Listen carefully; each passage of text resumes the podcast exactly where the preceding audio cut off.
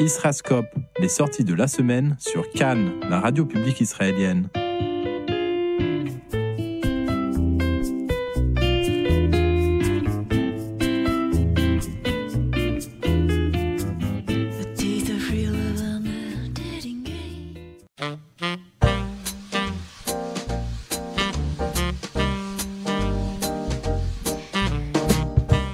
Bonsoir à tous, vous êtes sur Cannes, la radio publique israélienne. Emmanuel Ada avec vous ce soir.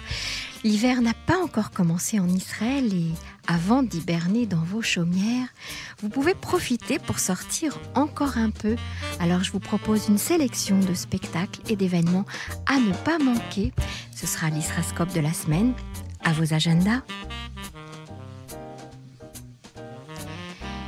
Tout d'abord, tout d'abord, si vous aimez le blues, il ne faut surtout pas rater le festival du blues qui va se dérouler du 22 au 25 novembre à Tel Aviv avec 40 spectacles durant 4 jours à travers différents clubs de la ville. Et parmi eux, parmi ces artistes formidables qui vont nous jouer du blues, vous pourrez y retrouver Deborah Benassouli, une artiste franco-israélienne de talent qui a gagné, figurez-vous, le concours et qui devra se produire très bientôt à Memphis avec tous les lauréats du concours du Festival du Blues.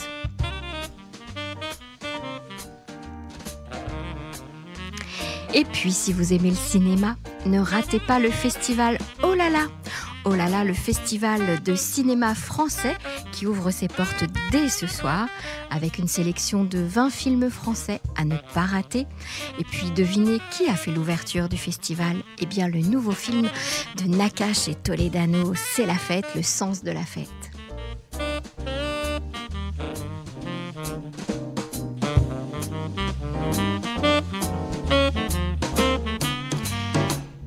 Et si vous aimez les comédies musicales, vous vous rappelez de ce film merveilleux de Barbara Streisand, Funny Girl.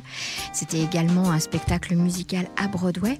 Eh bien, aujourd'hui, on peut le voir en version hébraïque, et oui, à Tel Aviv, au Caméry.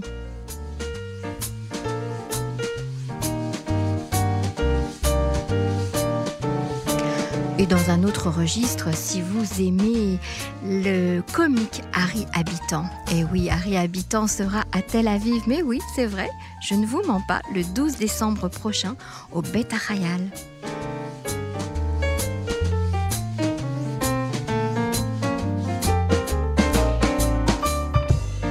Et puis j'ai sélectionné pour vous eh bien, une série de grands grands, chanteurs israéliens. Ce sont les classiques de la chanson israélienne.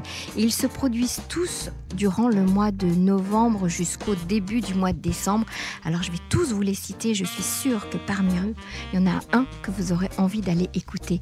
Il s'agit de Gidi Gov, de Yehonatan Geffen, de Shalom Hanor et Moshe Levi, de Avisin Golda, de Gali Atari, de Eviatar Banai, de Keren Peles, de Ehud Banai et de Amir Dadon. Durant tout le mois de novembre, vous pouvez trouver les informations sur le site de la mairie de Tel Aviv.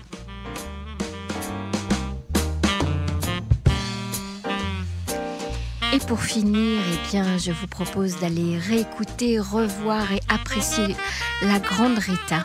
Rita qui sera le 30 novembre au Echal Tarbut de Tel Aviv et le 7 décembre à Beersheba.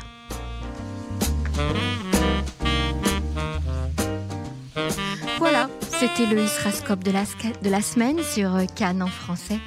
Merci à vous. Chers auditeurs, vous êtes toujours